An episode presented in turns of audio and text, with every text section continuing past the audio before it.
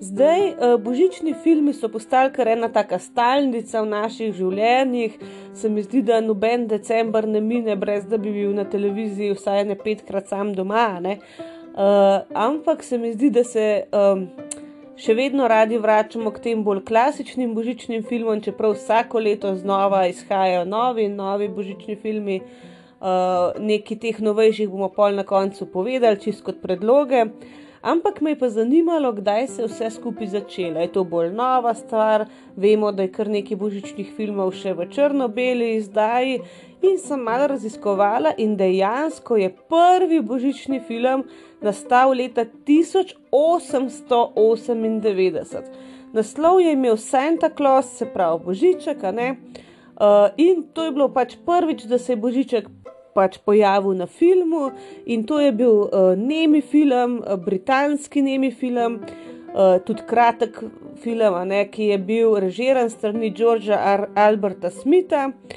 Um, on je v bistvu uh, bil zelo tak uh, inovator na področju uh, ure urejanja filma, na področju uh, uporabe teh bližnjih posnetkov. Uh, tako da, ja, uh, specialne efekte je že uporabljal.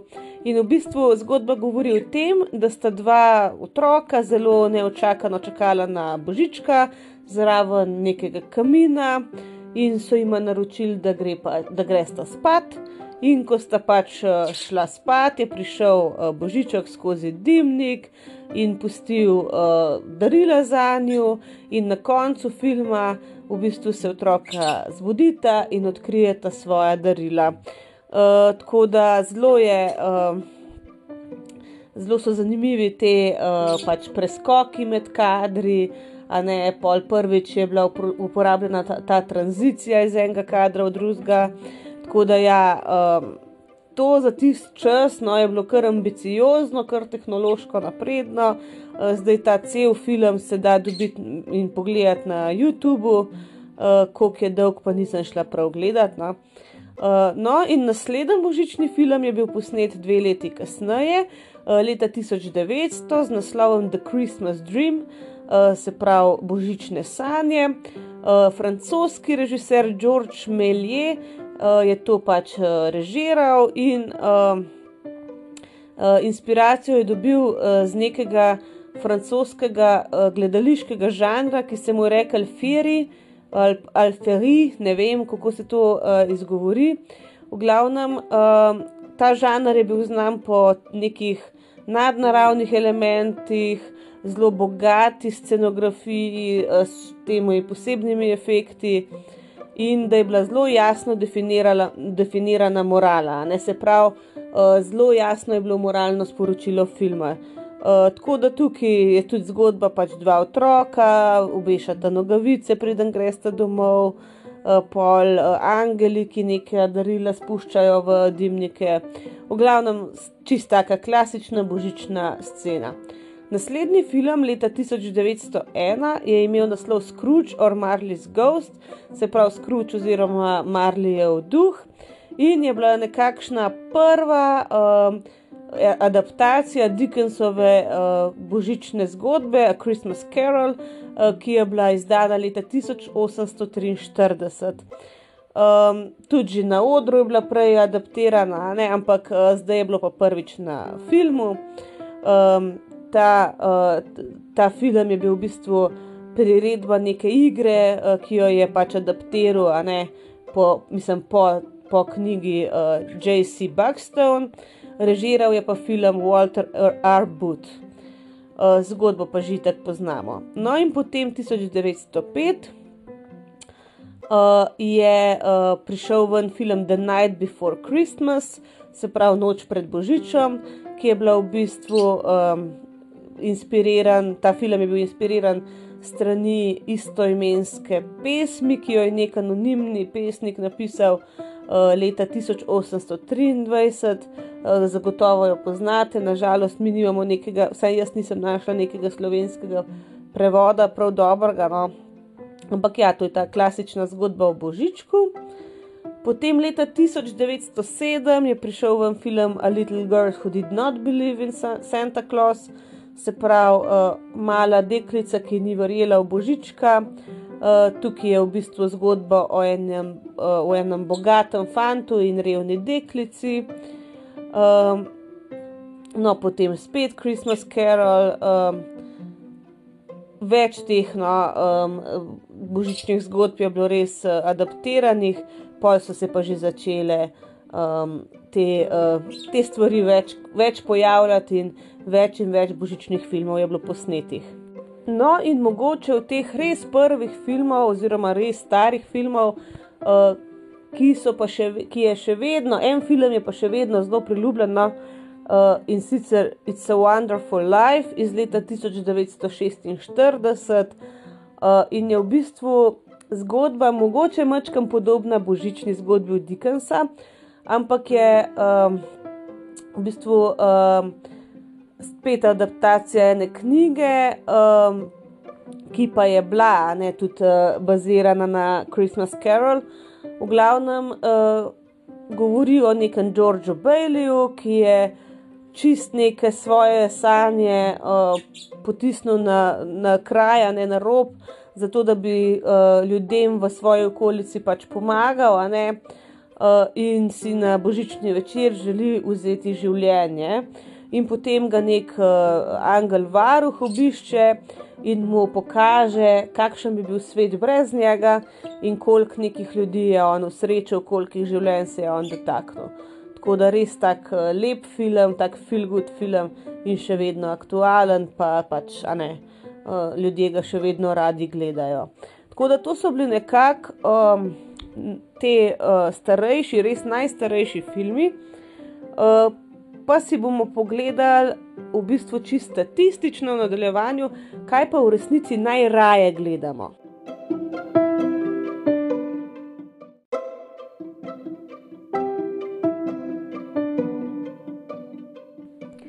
No, v nadaljevanju si bomo ogledali, kaj statistično gledano ljudje uh, na svetu najraje gledajo za božič. Uh, bi vam mogoče tukaj še eno statistiko povedala in sicer Christmas Carol, se pravi božična zgodba od Charlesa Dickensa, je ena od največkrat adaptiranih uh, zgodb, nekaka, ne? ki je v bistvu od uh, svojega izida, smo rekli, da je 1800, pa še nekaj, ne? ni nikoli šla ven iz printa. Nik kaj to pomeni? Uh, od takrat dalje jo vedno, vedno ponatisnejo. Po Uh, zdaj uh, v slovenščini uh, jaz imam izvod knjige, ki uh, v sebi skriva več nekakšnih zgodb, med njimi tudi ta božična zgodba in mislim, da je naslov uh, božični, uh, božični duh in druge zgodbe, uh, pa je pač božični duh, je The Christmas Carol. No, ampak če pa že gledamo neke adaptacije, um, naj bi bila adaptirana, ampak jaz v resnici je še veliko, veliko več adaptacij, ampak to so po mojem bolj te vidnejše. Uh, 22 krat naj bi bila adaptirana za odrsko produkcijo, uh, v dve operi različni je bila narejena, uh, štiri zvočni posnetki, to govorimo samo v angleščini. Vsaj deset radijskih uh, prenosov različnih, se pravi radijske igre. Um, 49 uh, TV serij, ki so bile, ali pa recimo um, epizod TV serij, ki so bile pač uh, bazirane na tej zgodbi, in vsaj 20 filmskih verzij. Tako da tega je res ogromen. Uh, mogoče v zadnjem času je uh, za izpostaviti um, recimo Muppets Christmas Carol, to, to je zelo priljubljena sploh v uh, Veliki Britaniji. In uh, The Christmas Carol, uh, risani, animirani film, uh, uh, je, v katerem je igral Jim Carrey glavno vlogo ne, od Ebe, Ebenezerja Scroogea. Ta je pa meni fantastičen, ampak mogoče ne lih za najmlajše otroke. Tako da res velikrat prežvečena zgodba, ampak očitno se jo nikakor ne moremo naveličati.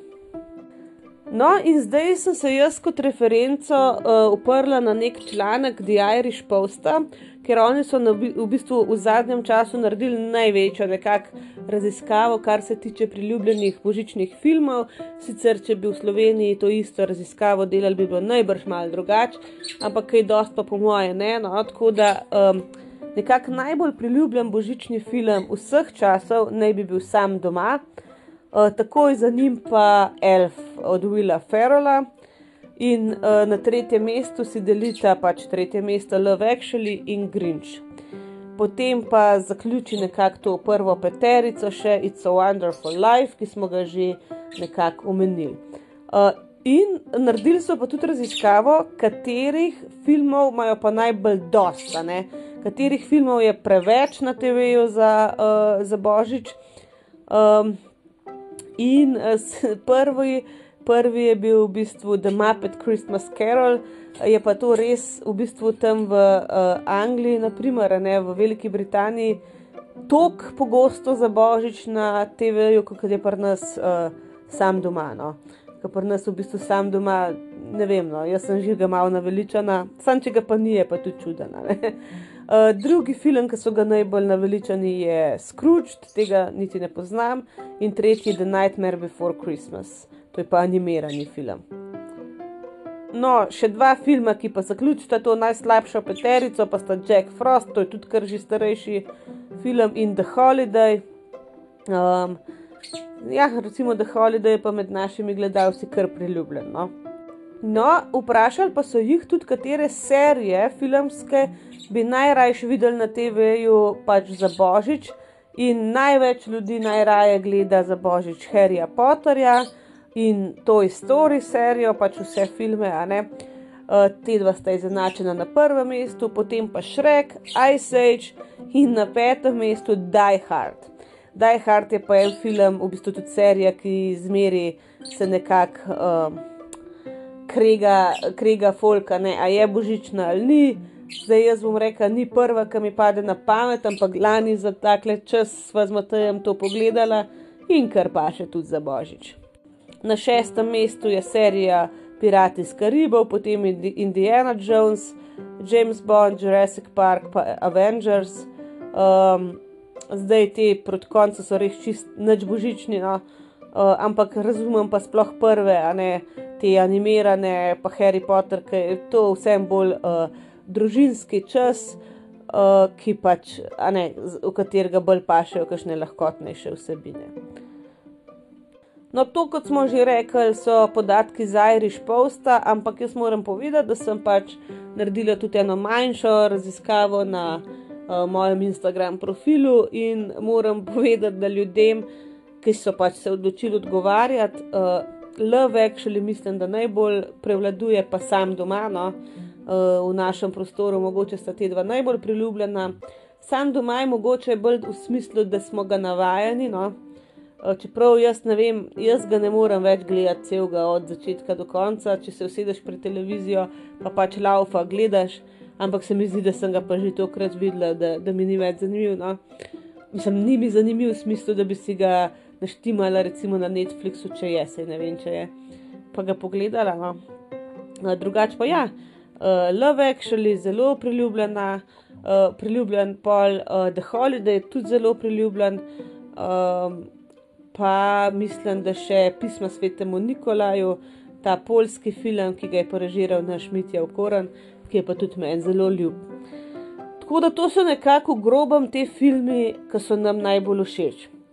Zdaj v nadaljevanju bom pa nekaj teh najpriljubljenejših filmov uh, predstavila bolj podrobno, kakšne zanimivosti iz filmov, uh, zakaj se gre, kdaj je šel in tako naprej. In skoraj pri vsakem filmu, ne čisto pri vsakem, vam bom na koncu te predstavitve zavrtela tudi en, uh, pes, eno pesem, um, eno filmsko glasbo no, iz tega filma, da mogoče naredimo mačkano vzdušje.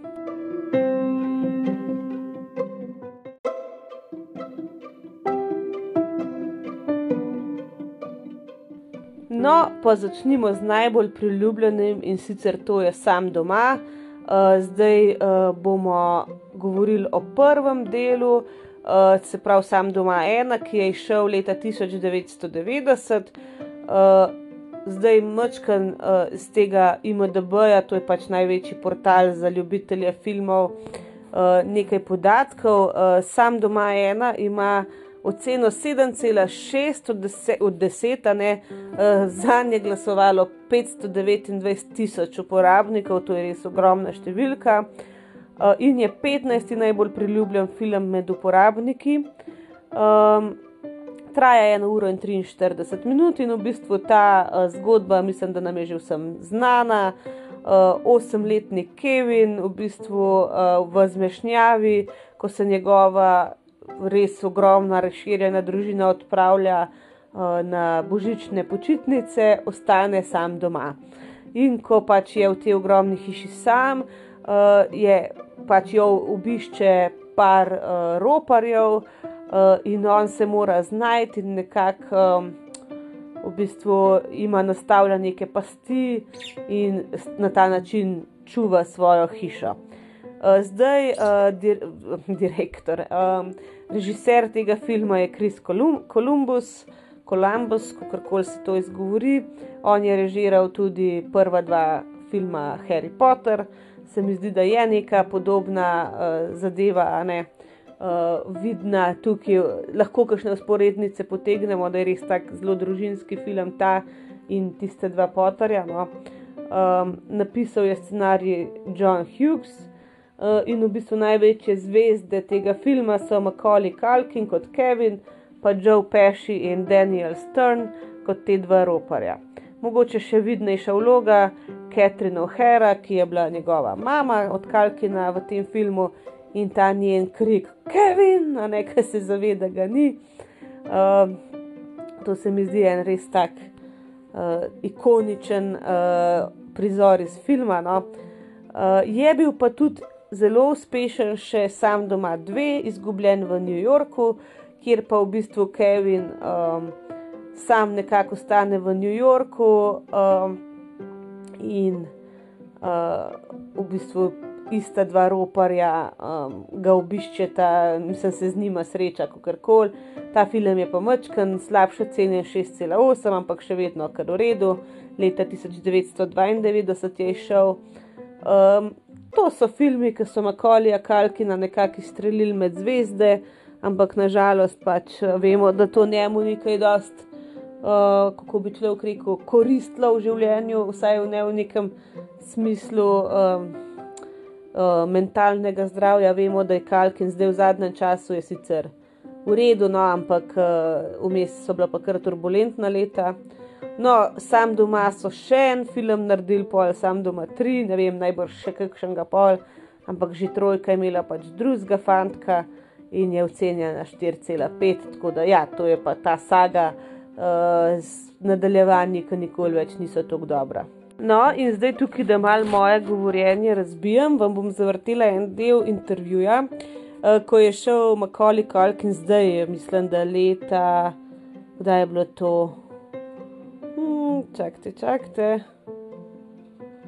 Ok, zdaj ne najdem, kdaj je bilo to, ne prav dolg nazaj, kašni dve, tri leta nazaj, no, leta 2018 je šel Jimmy Fallonu v oddajo in sta se pogovarjala, pogovarjala o nekaj uh, teorijah zarot uh, v zvezi s filmom Sam doma in tole se mi je zdelo kar zabavno, pa evo, poslušajte.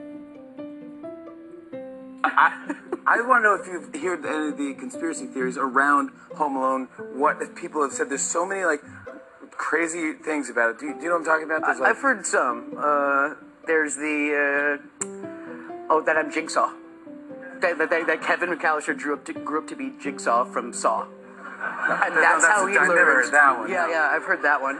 There's also the Elvis one. This is, one, I kind of, I gotta say, it's, right. I checked it out, and it, it's pretty much That's real. one of the earliest ones. El, they said Elvis is actually in the movie as an extra at Home Alone, and if you see the scene where Catherine O'Hara's at the airport trying to change her tickets, her plane tickets, look at this. Tell me this doesn't look like totally Elvis, right? Yeah, man. It's like at that point, that's probably what he would wear, like a turtleneck and a blazer. pretty. It makes total sense to me. I didn't realize Elvis turned into Richard Karn. That's a good Richard Karn reference. Yeah, I know, right? That's Uh, a deep cut. It is a deep cut. Yeah, you're welcome. Is- if looking back, is there any uh, is there any uh, thing that you would change or any question you have about the movie or the plot or? Oh, just. I mean, I. Okay, this kid's a really clever kid, right? Yeah. But uh, like, why, he's like these guys are about to break in. Why doesn't he just call the cops? I mean, like he makes a master plan. He uses micro machines, but like for real, there's landlines. I mean, there's no cell phones, but still, I think that's the only. And I think that's that's a that's an enormous plot hole. How about but the- the- I don't actually spend my days thinking about it though. No, you really don't. that was just the only one I can think of right now. I do, yeah, I do. Sadly, uh, I want to talk to you about uh, this podcast. Ja, no, to zdaj naprej že govori o enem podkastu, ki ga zdaj Kalkin snema. Ampak ja, uh, tudi on sam se sprašuje, zakaj hudiča tam mal ni poklical policije. Ne? To je res največji ta plot hole, ne? v bistvu kar ga je v filmu. Ampak ok, če bi poklical policijo in bi oni prišli, bi bil film pol manj zanimiv. No?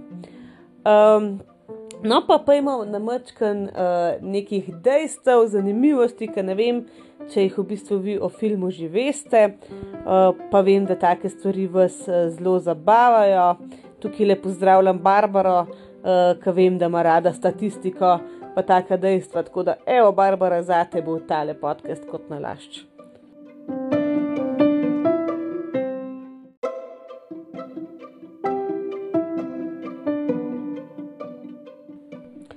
Zdaj, uh, prva stvar, ki je res zanimiva, je, da brez serije Uncle Buck, v bistvu tudi filma Sam doma ne bi bilo. Uh, John Hughes je v bistvu, ko je snimal serijo Uncle Buck, v kateri je tudi Macaulay Culkin igral, um, nekako uh, prišel na idejo, da bi pač uh, posnel uh, neko tako, nek tak film, zaradi tega, ker. Um, je v bistvu Macaulay Culkin v tej seriji uh, zasliševal neko potencijalno varoško čez to režo uh, za pošto. Uh, in recimo ta, direkt ta prizor se je prenesel tudi v film, ko je v bistvu z Danielom Strnom, ki igra enega od roparjev, se tudi čez, ta, čez to režo oziroma čez Doggy Door, a ne čez to leputo za pse, uh, pač pogovarjal. No, in tudi uh, ta vloga Kevina McAllisterja uh, je bila napisana direktno za Makolija Kalkina, uh, res z njim v mislih, ampak uh, Chris Columbus je v bistvu čisto vsejen uh, naredil audicijo, pogledal si skoraj 100 drugih uh, fantov, ampak ne, na koncu je dobil seveda Makolij Kalkin to vlogo. Ni pa Macaulay edini Kalkin, ki se je po, pojavil v tem filmu, ker njegov mlajši brat Kiran uh, tudi v bistvu igra v filmu in sicer uh, on igra Fullerja, ki je v bistvu Kevinov uh, bratranc, ki lula v posteljo, če, ga- če se ga spomnite. Um, on je takrat prvič igral, Kolkin je že nekaj prej igral, mislim, Macaulay, no, je že prej igral, ampak um, Kiran je pa takrat svoj debi uh, na filmskem platnu doživel, je pa pol naprej uh, kar uspešno filmsko uh, kariero razvil. No, in še ena stvar, ki je tudi povezana mogoče s tem castingom, ki so oba dva brata uh, zaposlili v narekovajih, je to, da se je Kris Columbus v bistvu tukaj naučil, da ko zaposliš otroškega igralca, uh, nekako uh, dobiš zraven še njegovo družino, uh, ker uh, ja, je imel kar težave na koncu, uh, zaradi tega, ker. Uh, družina od uh, obeh bratov, ne, se pravi, Kolkinovi, uh, so imeli kar, kar burno družinsko življenje. Starša sicer nikoli nista bila poročena, ampak uh, sta se leta 95 zelo tako javno rašla, prala umazano perilo v javnosti uh, in, uh, in se pol kregala, kdo, kdo bo dobil to bogatstvo, ki sta ga v bistvu otroka zaslužila. No, tako da v bistvu tukaj je Kolumbus se naučil, da moraš tudi v zadje malo bolj preveriti. Uh, in sam doma je 25 let držal Guinnessov rekord. Uh, v bistvu je zaslužil 17 milijonov 81 tisoč 997 dolarjev v 1202 uh, filmskih, pač, uh, mislim, pač kinih, a ne v uh, movie theaters, ne se pravi, kjer predvajajo filme in to v prvem vikendu, ko se je predvajal. Uh, tako da 12 tednov je bil na prvem mestu, uh, in do junija naslednjega leta je bil med prvimi desetimi filmi. Uh, tako da, ja, to je v bistvu uh, bil najvišji zaslužkar med filmi leta 1990 in v bistvu je uh, do, dosegel nekakšen Guinnessov rekord za naj, najbolj finančno uspešno komedijo uh, Ever. Do 27 let so imeli uh, ta rekord, uh, dokler ni nek uh, kitajski blockbuster Never Say Die, v bistvu leta 2017, uh, mu vzel ta rekord. To se gre seveda za najbolj uspešen domač film v domači državi. No, kot smo rekli, je ta uspeh privedel še do uh, dvojke, ampak ni bila samo dvojka, uh, še štiri naslednji filmi so bili posneti, tako kot sem že rekla. No, pol kasnejši filmi niso bili preveč uspešni, no slište v zadnji uh, hodor skrbi za vzdušje, spet igra na kragulčke, hvala lepa. No, v glavnem, uh, štiri naslednji filmi so bili še posneti. Uh, pol, uh, tri videoigrice, dve namizne igre sta bile narejene, potem je bilo prenešeno v knjižno obliko in ostale uh, nekakšne stvari, mrčane, ki je bil namenjen več ali manj otrokom. In če smo rekli, da v Sloveniji vsako leto mora biti uh, sam doma na televiziji, na polskem je to postalo božična tradicija, takoj od leta 1990, ko je bilo že prvo leto v bistvu predvajano na televiziji, uh, na nacionalki. Uh, in je vsako leto bolj popularen ta film. Leta 2011, naprimer, je takrat, ko je bil na televiziji, 5 milijonov ljudi gledali sam doma. Um, tako da, ja, uh, nismo samo slovenci takšni. Pa še ena stvar, McKellisterjeva hiša iz uh, filma ne, je zdaj postala res ogromna turi, turistična atrakcija. Uh, stoji na uh, Lincoln Avenue v Vinetki v Illinoisu, na šte, hišni številki 671. Um, v bistvu kuhinja, glavno stopnišče, pa uh, spodnje stropje, uh, so, ki so bili v bistvu videni v filmu, so bili vsi posneti v tej hiši, uh, druge stvari so bile pač uh, uh, posnete v studiu in zdaj je to res turistična atrakcija. In uh, če so v bistvu uporabljali stvari, ki so tam že bile, Ena stvar, ki so jo mogli na nov sezidati zraven te hiše, je bila pa Kevinova hišica na drevesu, uh, ki ni bila del tega, uh, pos, mislim, posestva, ne? in so jo mogli prav za film postaviti in pol tudi podreti, ko je bilo film, snemanja konec. Uh, cel ta uh, Home Alone uh, dogajanje je bil posnet na območju Chicaga. Eh, sicer pač glavna zgodba je, da so Mokelisterjevi v Parizu, ampak vse je bilo na območju um, Chicaga posneto. Tudi te pariški uh, letališki prezori so bili posneti na O'Hare International Airportu. Uh, tako da ja, um, so kar malo prešparali, vsaj z uh, potnimi stroški. No.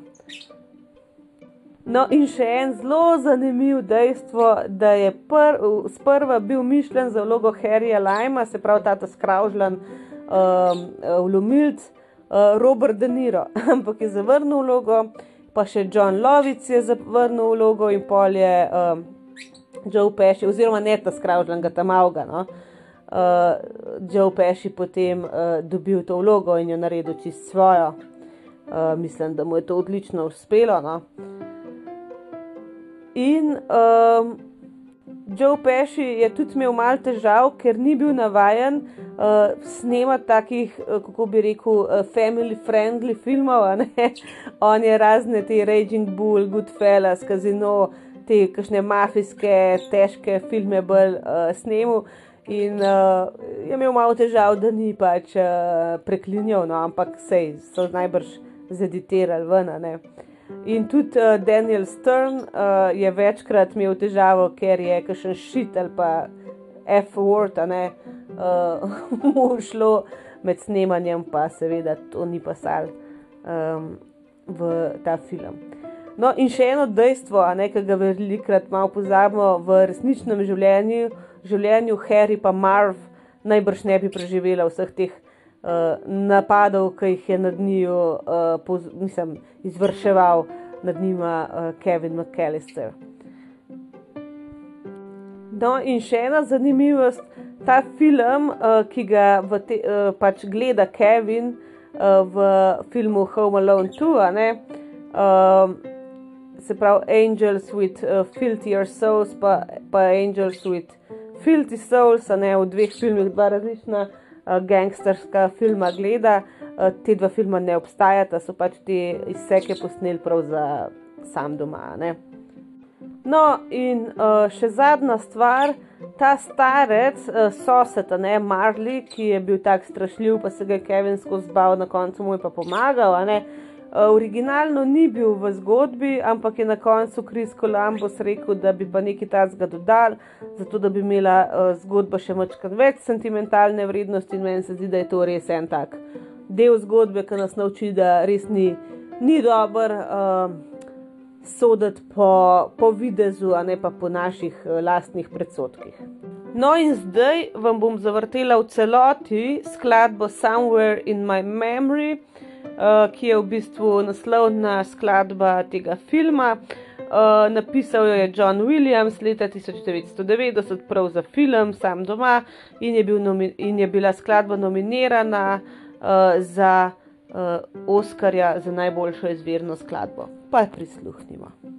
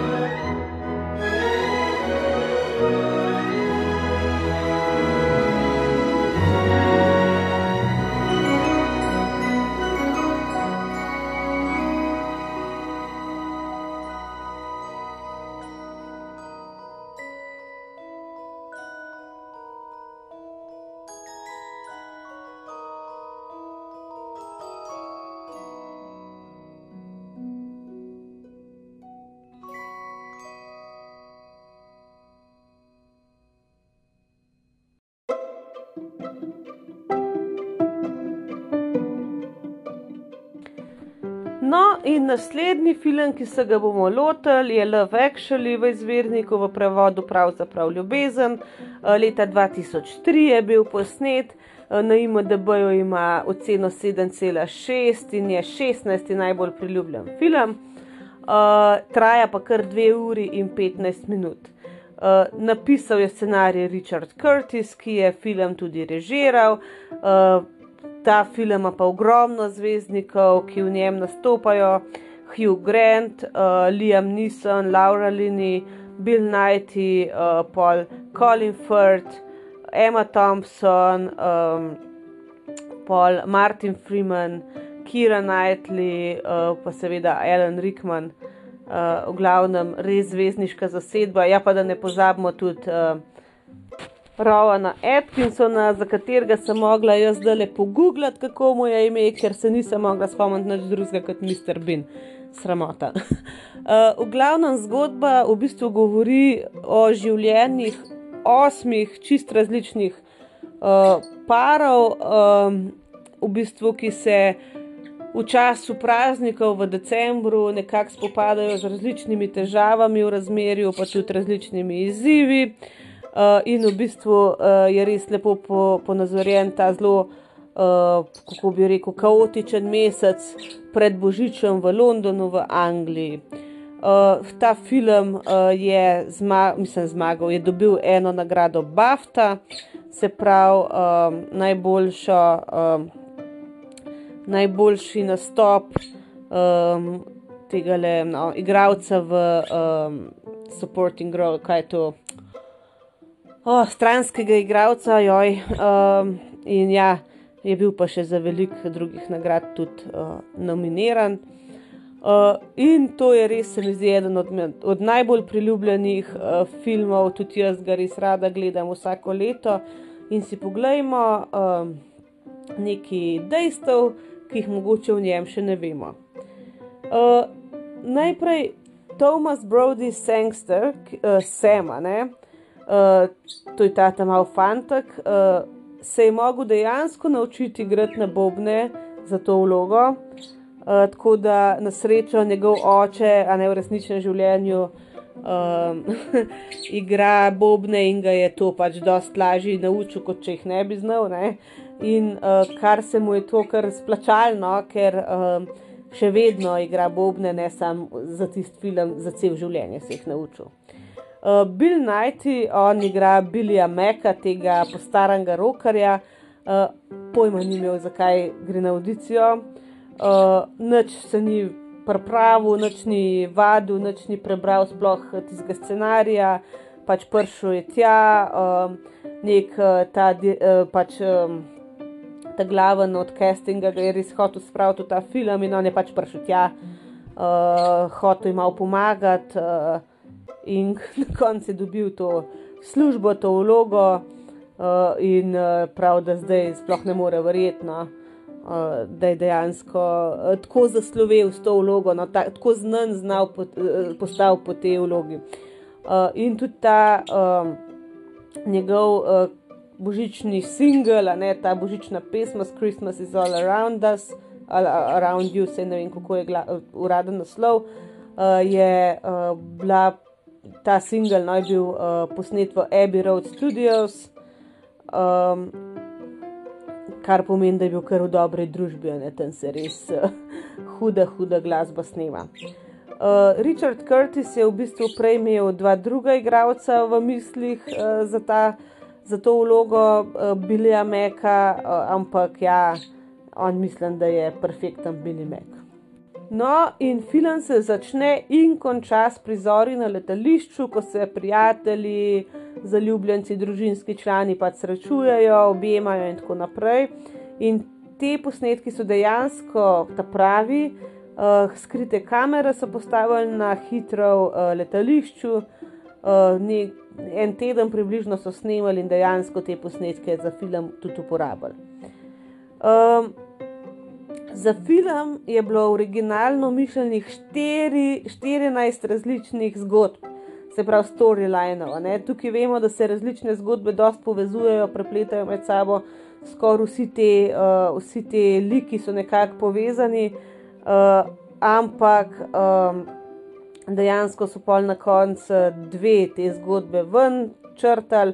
Ena naj bi pač uprizarjala nek istospolni par, in druga nek afriški par, prav afriški piše ne, African American ali pa kaj tasga, ne, tako da dejansko bi bili očitno neki imigranti, ampak to so pol na koncu črtali, ker je bilo preveč confusing, ne, preveč zmedeno na koncu. Bil je pa narejen en zelo um, zanimiv edit, kar se tiče glasbe.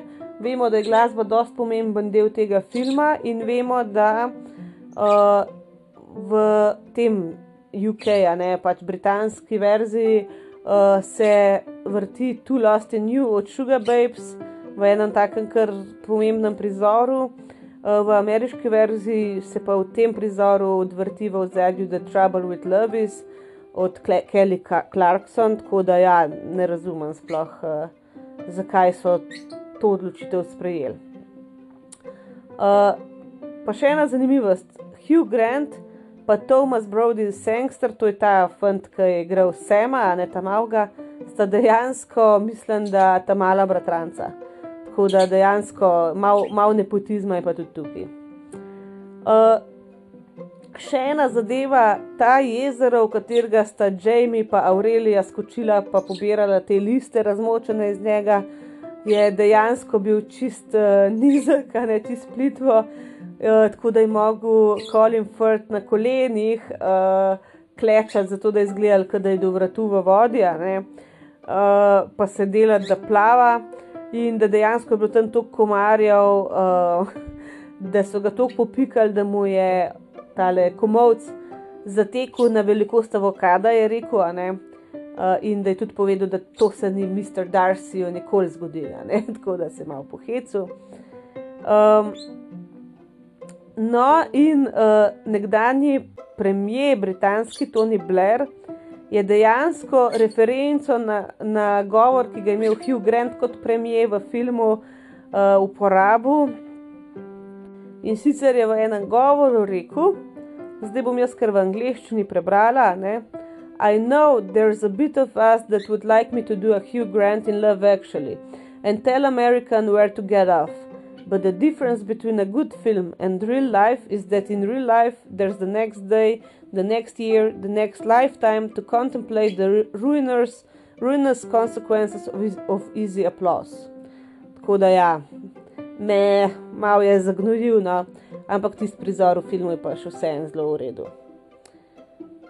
No, in tudi v tem filmu je bilo nekaj vlog napisanih prav za določene igralce in sicer Curtis je vedno si želel, da bi bil Hugh Grant prime minister, ne se pravi premijer, pa Emma Thompson kot uh, njegova sestra, ne, uh, ki pa živi čisto tako normalno družinsko življenje. In tudi Uh, vloga Natalie je bila napisana direkt za Martin McCutcheon, okay. uh, pač res so njo imeli v mislih. No, in kot vemo, je bil ta uh, cast, ne, ta ekipa je bila kar velika. Uh, dejansko oni niso snemali vsi naenkrat, ampak so pa si dejansko delili en ogromen ta trailer park, se pravi ogromno naselje teh prikolic, ne, in so veliko skupaj preživeli časa, pa jaz sem imel prav uh, res dober no, na tem snemanju. Tako da ja, uh, res najbrž zelo dobra izkušnja. Pa še ena zanimivost. V bistvu zgodbi od Huga Granta in od Colina Firta sta bili najprej mišljeni za dva različna filma, potem no, so jih pa v bistvu um, nekako združili v enega. No, in še en prizor iz filma, ki se nam je zelo vtisnil v spomin, sicer od, uh, od te Joanne, punčke uh, nastop, All I Want for Christmas is You. Uh, ta nastop je bil boje v resnici tako predober, da je ta ta mala tako predober pila, uh, da so ji rekli, da je zdaj pa še enkrat posneli pa slabš nared, ker če boš ti tako dober pila, ti noben ne bo verjel, da to ti poješ. Ne? Tako da ja, lahko si očitno tudi preveč nadarjen. Uh, no, tudi Klaudija Šifer naj ne bi v bistvu nastopala v tem filmu, uh, ampak so iskali nekoga, ki zgleda podoben njej, in na koncu uh, niso najdel nobenega podobnega njej, tako da so kar njo poklicali, jo, Klaudija, da si za eno foro. Tako da ja, včasih se kaj po nesreč posreč. No, in še en zelo ikoničen uh, uh, prizor, to, kar Hugh Grant pleše tam, ne se skoraj ne bi zgodil, ker je bil Hugh Grant čist proti, a ne on je rekel, da tega pa ne bo, ne. Uh, da ne bo plesal, ampak čist na koncu je v bistvu uh, pristal in so čist zadnji dan to posneli. Uh, in bojemu je šlo tako dobro, da mu je šlo spet predober in da je bilo v bistvu težko pol to urediti na način, da bo res tako awkward, ne, da bo tako nerodno zgledal. Tako da bravo, Hugh. No, in še en zelo znan prizor, uh, ta scena, ko v bistvu uh, Mark pride s temi kartoni izpovedati svojo ljubezen, se vedno, še vedno malo zdi fenom filma, malo kripi, mečkanje na robe. Ampak boje, da je bila to uh, že peta verzija tega ker je uh, režiser dejansko napisal ne vem koliko verzij in uh, ženskam v svojih filmih rekel, da je preber, pa povej, če je kripi, pa je bilo vse kripi. Tako da res um, bohati, kako je sploh bilo. No? Uh, in Andrew Lincoln, ki v bistvu igra Marka, je dejansko sam mogel napisati te plakate. Uh, ta uh, vloga, ki jo, ime, ki jo je imel pa Rowan Atkinson, uh, ko v bistvu zavija tisto darilo sto leta, ne? Je bila pa dejansko polnoči v trgovini Selfridge uh, posneta, zato da bi se nekako izognili tem vsem turistom in uh, kupcem, ki so vedno napolnili to vele blagovnico. In še ena scena, ki se nas vedno dotakne, je v bistvu uh, prizor, ko Emma Thompson uh, posluša CD od Johnny Mitchell v um, spalnici, ko ugotovi, da tista verižica ni bila za njo, da ima očitno mož drugo. Uh, eh, 12krat je mogla snemati um, in v bistvu to, da ona tam joka, ni bilo v planu, ampak je povedala, da v bistvu ima čist preveč. Realnih situacij v življenju, ki je mogla se v spalnici zjokati, obrisati se in priti dobre volje ven, in da je pač hotela to vključiti v film. In uh, dejansko je pa tudi Emma Thompson, če že o njej govorimo, ne, uh, mogla v filmu nositi fat suit, se pravi to uh, obleko, um, da jo naredila malo bolj debelo, malo bolj močno, ne, ker očitno ni bila dost mama sta ali pa gospodinja sta, um, da bi pač igrala to vlogo, kar je itak čist blesel. Ampak ja, pač uh, morala je. Um, tisti fat suit nositi. In zdaj bi jaz mogoče tukaj sam še omenila vlogo Elena Rikmana, ki se mi pa zdi, da je pa on tukaj naj, najmanj likable, kar je lahko. Uh, res tukaj se on tako drek od človeka meni zdi, pa to ga imam rada, drugače kot igralca, ampak odlično napisana vloga. No. no, in tudi pri tem filmu si bomo poslušali uh, eno skladbo in sicer uh, njen naslov je uh, Glasgow Love Team jo boste prepoznali zagotovo. Uh, napisal jo je Craig Armstrong leta 2003 uh, eh, za originalni soundtrack tega filma.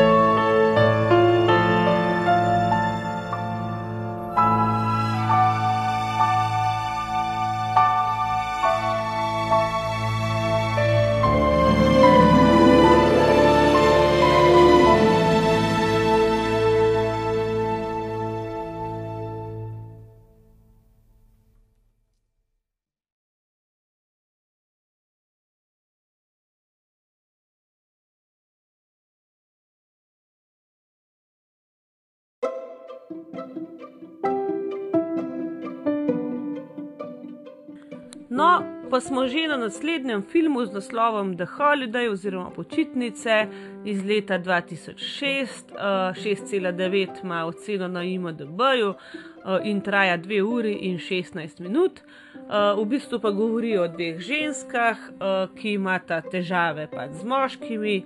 Ena se je pravkar rašla, je končala neko zvezo, v kateri jo je partner varal, druga pa je nesrečno zaljubljena v sodelavca, uh, ki jo več kot očitno samo psihično in fizično nekako tudi izkorišča. In se odločita za praznike zamenjati svoje hiši. Uh, ena uh, odpotuje v ZDA, v veliko vilo, bogato, druga medtem pa se za praznike preseli v majhno kočico v Angliji. Scenarij je napisala Nancy Myers, ki je tudi režirala. Eh, in glavne zvezde filma so seveda Kate Winslet, Cameron Diaz, Jude Law in Jack Black. Zdaj, um, tudi uh, Love Actually je nekakšna romantična komedija, ampak mogoče je tale uh, The Holiday še mačkam bolj nekakšen chick flicky, a ne mal bolj hardcore romantična komedija. Um, Uh, čeprav meni je zelo všečen film, ker ima en tak uh, res uh, lep sporočilo. Uh, pa imamo kar takoj na uh, dejstva in sicer uh, Nancy Myers je v vlogi Amende pa Iris v bistvu napisala prav za Cameron Diaz pa za Kate Winslet, uh, tako da sta bili napisani prav za njo, medtem ko Jack Black pa je vlogo Milesa dobil zaradi uh, svoje vloge v filmu School of Rock.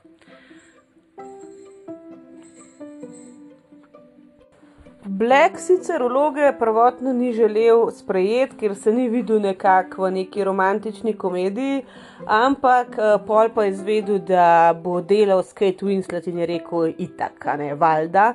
Tako da ja, jaz mislim, da temu se noben ne bi uprl. Uh, zdaj ta kočica na podeželju, v kateri živi Iris, pa v katero se odpravlja na počitnice Amanda, uh, je res sanjska, ampak žal je dejansko možna samo v sanjah, ker to je bilo zgrajeno, samo v bistvu zunanjost je bila zgrajena za potrebe tega filma. Uh, tako da, ja, v bistvu notranjost je bila čist nek na enem drugem svetu posneta, tako da v bistvu ta kočica v resnici ne obstaja. Čeprav uh, recimo Amendina hiša uh, v San, San Marinu, ne ta vila, v kateri živi, je pa dejansko resnična hiša uh, in na zadnje se je prodaja, prodala za 9,5 milijona dolarjev. Je bil pa ta film posnet v Rikvrc, po domač povedan, ker prvi prizor, ki so ga posneli, je bil v resnici zadnji prizor. Se pravi, ko na, nov, na novo leto, v bistvu na Silvestrovo, oni plešajo, pa imajo skupaj neko žurko. In še ena zanimivost, uh, v prizoru, ko sta uh, Winslet in Black v bistvu v uh, te prodajalni DVD-jev, uh, so dejansko umaknili vse filme, v katerih ona dva igrata s polico, zato da ne v ta istočasno uh, v sceni in na policiji. Uh, in uh, tudi v teh uh, prizorih na, uh, v tej trgovini je dejansko Black uh, več ali manj improviziral. Pač nobenih teh teh eh, stavkov ni bilo napisanih, se jih je on sproti izmišljal. In še en improviziran prizor je bil v bistvu prizor z Mr. Napkin Headom, kjer je tudi Judlo čist zimproviziral to sceno, se sprot, eh, sprot eh, nekako zmišljal, kaj bo delo. No. No, in kot vemo, je Amanda v tem filmu zaposlena kot nekdo, ki v bistvu uh, dela trailerje za filme. In uh, v filmu ona dela trailer za nek drug film, v katerem igrata Lindsay Lohan in James Franco. Uh, in uh, Lohanova je v bistvu sprejela to vlogo v filmu, v filmu zaradi tega, ker je Majersova režirala film The Parent Trap, v katerem je v bistvu Lohanova zaslovela, uh, tako da je bila dolžna eno uslugo. No, in recimo ta zasnežena pokrajina tam pri koči od uh, Iris uh, ni bila planirana, dejansko je padel sneg in je bil tam, in uh, oni so to izkoristili. Uh, in še ena stvar, ki ni bila planirana, je bil pa ta cameo od uh, Dustina Hoffmana, ki vemo, ko recimo uh, od Jacka Blacka, ta Miles, ne um, lik v uh, trgovini z DVD-ji, uh, poje razne filmske glasbe in uh, zapoje pesem uh, Mrs. Robinson iz filma The Graduate, v katerem je Hoffman igral. Uh, in se on tam neki zraven zgraža. No, Dustin Hoffman je dejansko na letu na ekipo, ki je snemala in je rekel: Oj, ja vam lahko kaj pomagam. Tako da uh, sta one dva na hiter uh, z Blackom nekaj zimprovizirala, zimprovizirala, pa tudi pač on je poznal Majersov, tako da je rekel: Lej, evo, sem za. No, in eden uh, od uh, bolj luškanih likov v filmu je sigurno ta star uh, sosed od, od Amanda, s katerim se Iris Paul ukvarja, Arthur Abbott. Uh, in dejansko je on v času snemanja praznoval svoj 90. rojstni dan, tako da so skupaj praznovali.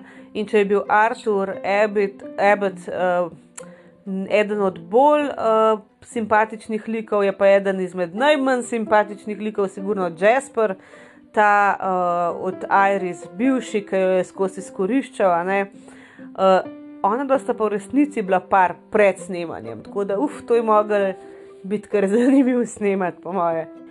No, to so vsa dejstva, ki bi vam jih jaz v tem filmu predstavila. Vam pa tudi tokrat zavrtela eno skladbo in sicer napisal jo je Hans Zimmer, um, naslov je Maestro, za film The Holiday je bila napisana leta 2007. Pa uživajte. Música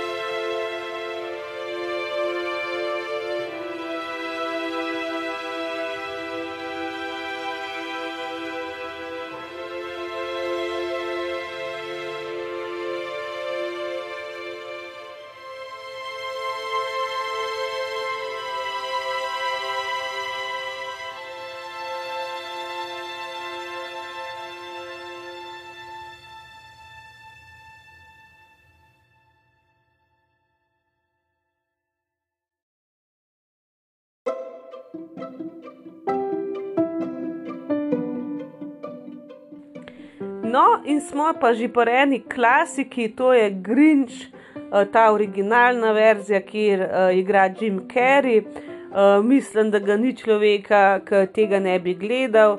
Uh, pred kratkim, kaj je ne tri leta nazaj, uh, je šla, dva, ja, 2018, je šla risana verzija, animirana, ki je meni tudi čisto všeč, uh, nimam nič proti njej, ampak original je pa original.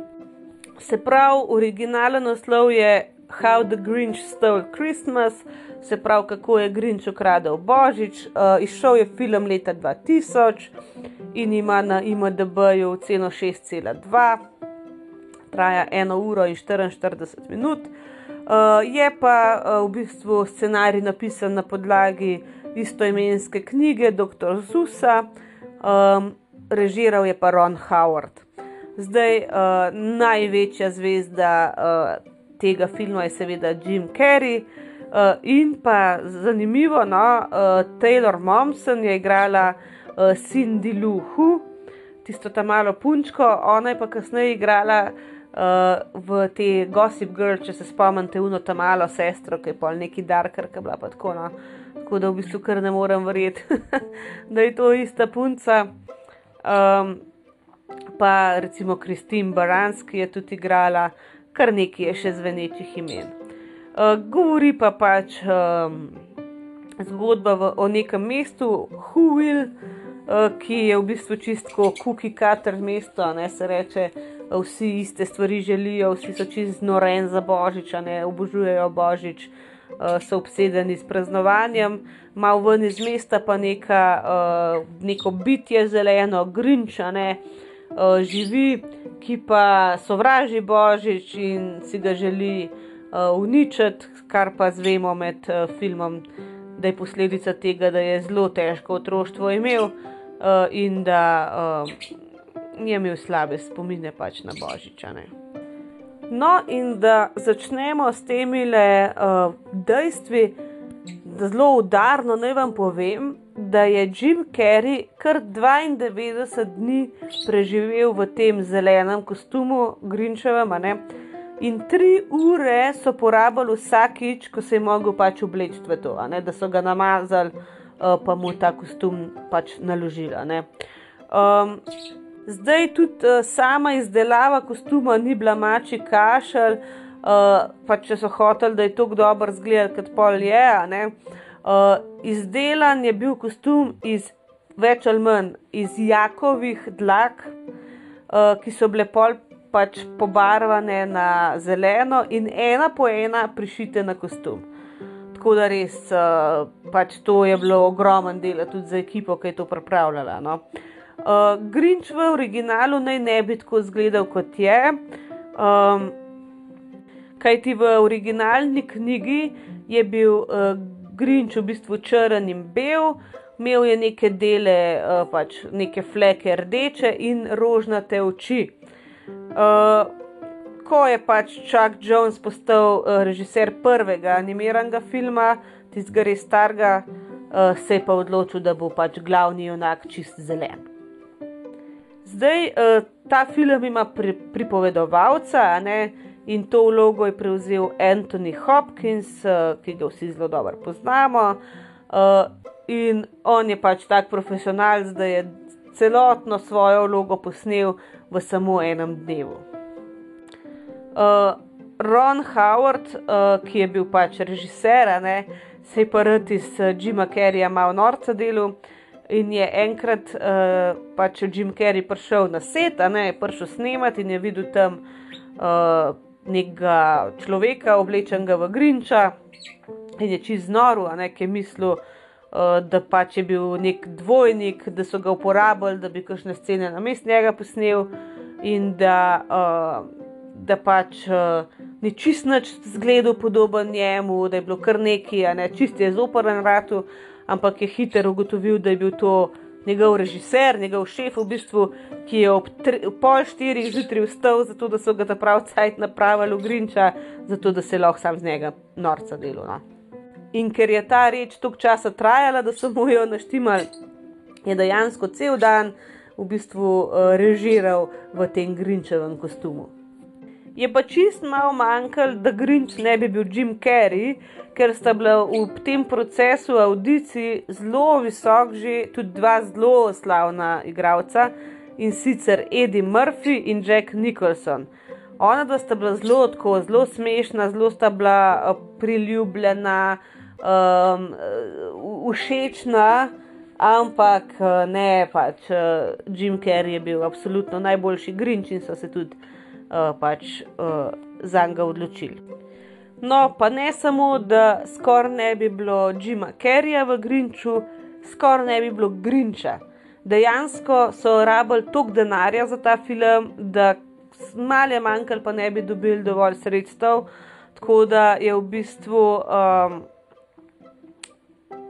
se res matru, um, ta, ta cela ekipa se je zelo matrala dobiti nekakšne sponzorje in na koncu je neka uh, The Foundation of Commercial Banks, uh, neka organizacija. Uh, Finančno pač podprla ne, uh, izdelavo tega filma, ni bil pa drag samo pač film, tudi ta prva uh, animirana verzija, ta še res čist narisana, je bila izredno draga, 26 minut je trajala ta risanka, uh, ampak budžet je bil pa 2,5 milijona dolarjev. Tako da to je bilo res prvič, da je tako majhna produkcija porabila toliko denarja.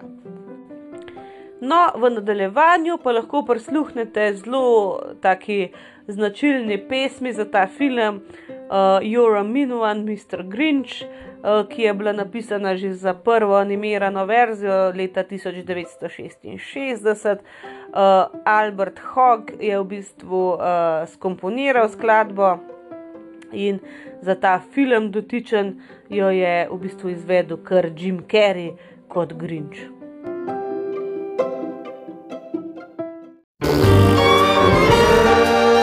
With his coat and his hat, I look just like Saint Nick. Ho, ho, ho! You're a mean one, Mr. Grinch. You really are a heel. You're as cuddly as a cactus and as charming as an eel, Mr. Grinch.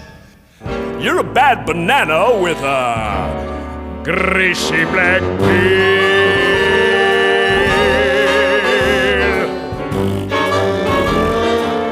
Just face the music, you're a monster. Mr. Grinch,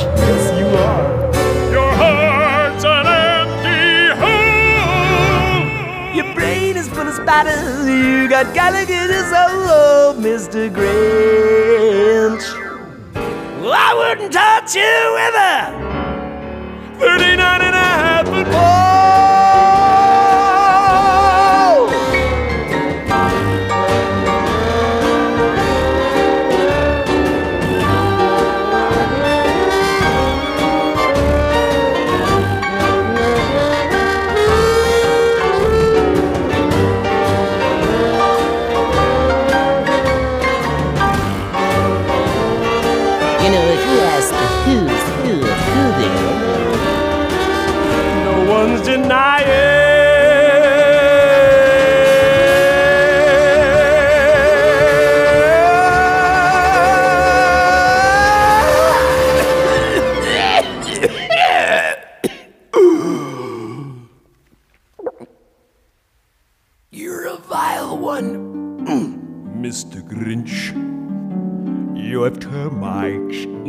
Your smile. you have all the tender sweetness of a seasick crocodile, Mr. Grinch. Given the choice between you, I'd take the seasick crocodile.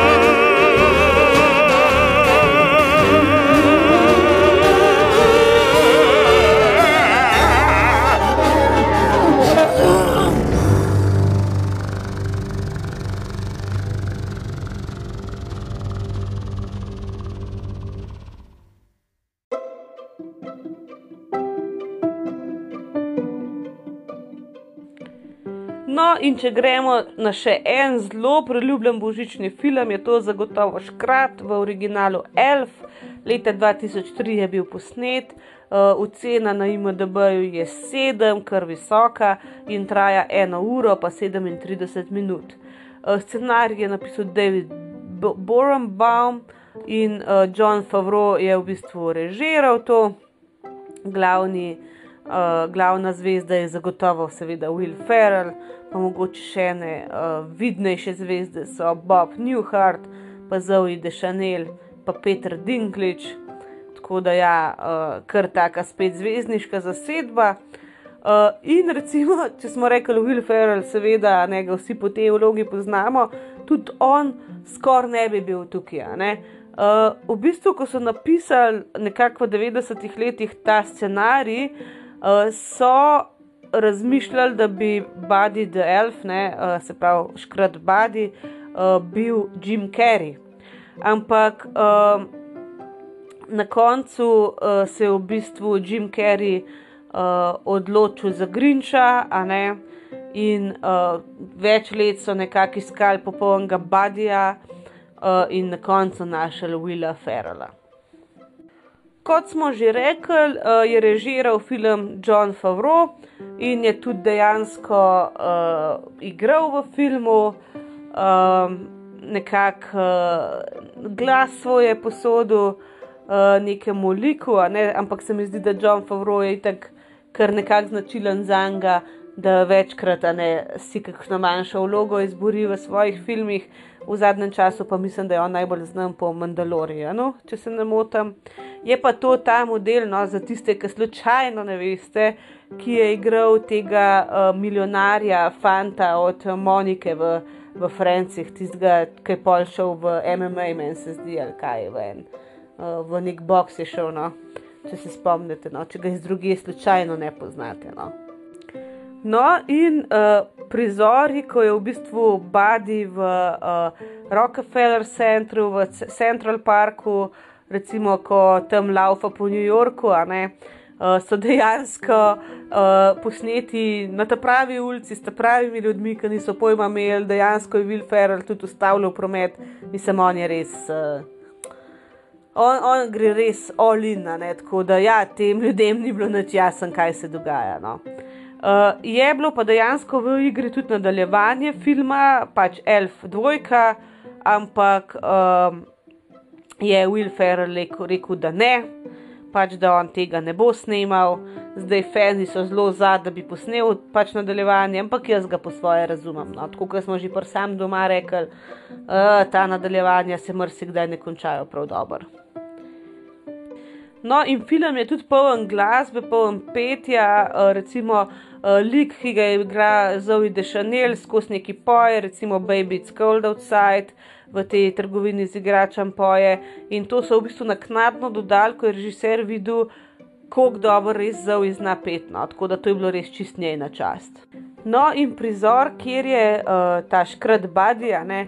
Eh, preizkušal uh, te Jack in the Box, te igrače, ki navijaš, pa pa skoč ven, uh, klovna. In dejansko Will Ferrell se dejansko bal tega, zato ker ni imel pojma, kdaj bo v bistvu ta klovn ven skočil in vse te njegove reakcije so čisti iskrene. In uh, tudi Will Ferrell, kot vsi dobri komedijanti, očitno počnejo, je grozen, uh, velik improviziral, recimo. Um, to na ulicah, kot smo že rekli, to je bila čista improvizacija in tudi ta dolg, dolg rig, a ne ko je rignil, ko je popil Coca-Cola, je bil ta prav. Um, sicer ni um, pač ne rignil Will Ferrell, je nekdo drug uh, rignil na mest njega, ampak dejansko je bil to ta prav rig. No, uh, in iz tega filma vam bom pa kar zavrtela ta prizor, ko v bistvu Zoe Dešanel in uh, lik poje Baby It's Cold Outside.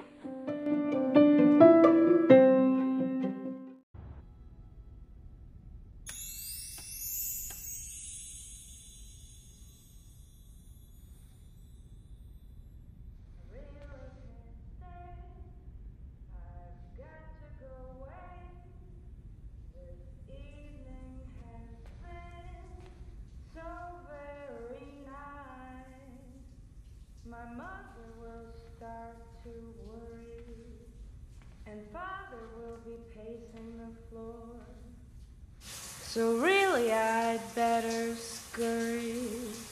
Well, maybe just a half a drink more. The neighbors might think, say, what's in this drink? I wish I knew how to break the spell. Say no, no, no. mind sir. if I move in? At least I'm gonna say that I tried. What's the sense of hurting my I pride? really can't stay. Baby, it's cold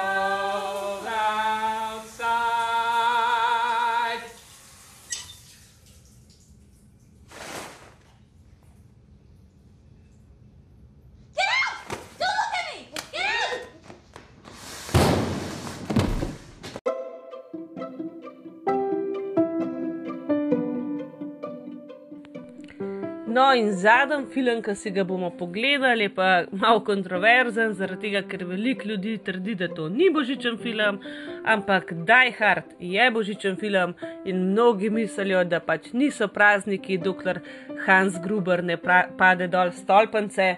Uh, tako da si kar pogledamo nekaj dejstev o uh, Die Hardu. Um, V bistvu Die Hard je nekako uh, nadaljevanje nekega filma, uh, v bistvu The Detective, no, je bil, uh, je bil uh, roman no, najprej. Uh, in v tem prvem filmu je igral Frank Sinatra. On je bil nekako z neko pogodbo obvezan, uh, da morajo njemu najprej ponuditi vlogo, če se bo še kdaj nadaljevanje snimalo. Uh, oni so pač mogli to vlogo ponuditi, sicer so močno upali, da jo bo zavrnil, ker Sinatra je bil takrat že nekako v zgodnjih 70-ih letih svojih uh, in ni bil lih na uh, za to vlogo, uh, in je hvala Bogu tudi dejansko jo zavrnil. No. Uh, vlogo je, kot vemo, dobil Bruce Willis uh, in uh, v bistvu leta 87, ne, ko se je ta film snimal, oziroma ki je prišel ven, je bil on relativno neznan uh, igralec. On je uh, na, v bistvu v nekih uh, serijah igral, uh, bolj nekako. Um, Bolje nekako igral v nekih romantičnih zadevah, no, uh, tako da dejansko si ga sploh niso predstavljali v taki vlogi. Uh, tako da so to vlogo Johna McClaina um, nekako uh, predstavili najprej Arnoldu Schwarzeneggerju, Bertu Reynoldsu, Silvestru Stallonu, Harrisonu Fordu, Richardu Geru in pol šesti je bil na vrsti Bruce Willis, ki je pa pol vlogo vzel. Um, recimo vloga Hansa Gruberja, ne tega nemškega terorista, je bila pa prva vloga Elena Rickmana, uh, nekako prva večja študijska vloga, no? uh, dejansko filmska. Prej je bolj igral na londonskih odrih, uh, ameriško občinstvo ga sploh ni poznalo, no? tako da uh, ko je pač sprejel to vlogo, je nekako uh, začrtal uh, svojo pot za naprej. ne. Uh, pa tudi on sicer ni bil uh, prva izbira, Sam Nil je bil naj, namreč prej uh, prva izbira uh, za to vlogo. Uh, kot smo rekli, v, te, uh, v tem filmu nastopajo nemški teroristi, ki se med sabo pogovarjajo nemško, v narekovajih, no? uh, ampak to, kar oni med sabo govorijo, ni nobena nemščina, je kar neka spekadranščina, uh, ne, kjer v bistvu se delajo, da govorijo nemško. No? Um, sicer pol kasneje, ko so že izdali uh, videokaseto, a ne, ki so še takrat bile um, nekako popularne, so to pol popravili, uh, tako da, uh, tako da so, so dejansko pol govorili nemško. Ta scena, ko v bistvu Hans Gruber pada dol z tega stolpa s to presenečeno, šokirano faco, uh, dejansko je čist uh, realna, uh, realno se je on ustrašil, je bil realno šokiran, ker oni njemu niso povedali, uh, da bojo v bistvu ga vrgli dol. Ne? Sicer je bil neki zavarovan, ampak vse nekaj prostega pada je pa bilo in on tega ni vedel, uh, tako da je v bistvu ta odziv čist iskren. No? Uh, in zato najbrž tudi tako dober uh, uh, odigran. Je pa Bruce Willis dejansko mačkan oglušel med, med snemanjem, ker je v bistvu bil tako blizu tega. Um, Te pištole, ko je neki tam streljal, pa, pa ta strel je tako odmeval, da je dejansko za nekaj časa uh, izgubil sluh. In ena bolj hecna zadeva, eden od najhujših članov Gruberjeve ekipe, Karl, ne, um, je v bistvu v resnici uh, ga je igral Aleksandr, Aleksandr Godunov, uh, ki je bil uh, prvotno baletnik še v Sovjetski zvezi. No? Uh, tako da je ja, uh, kar zanimiv, si ga ne predstavljamo no, kot baletnika.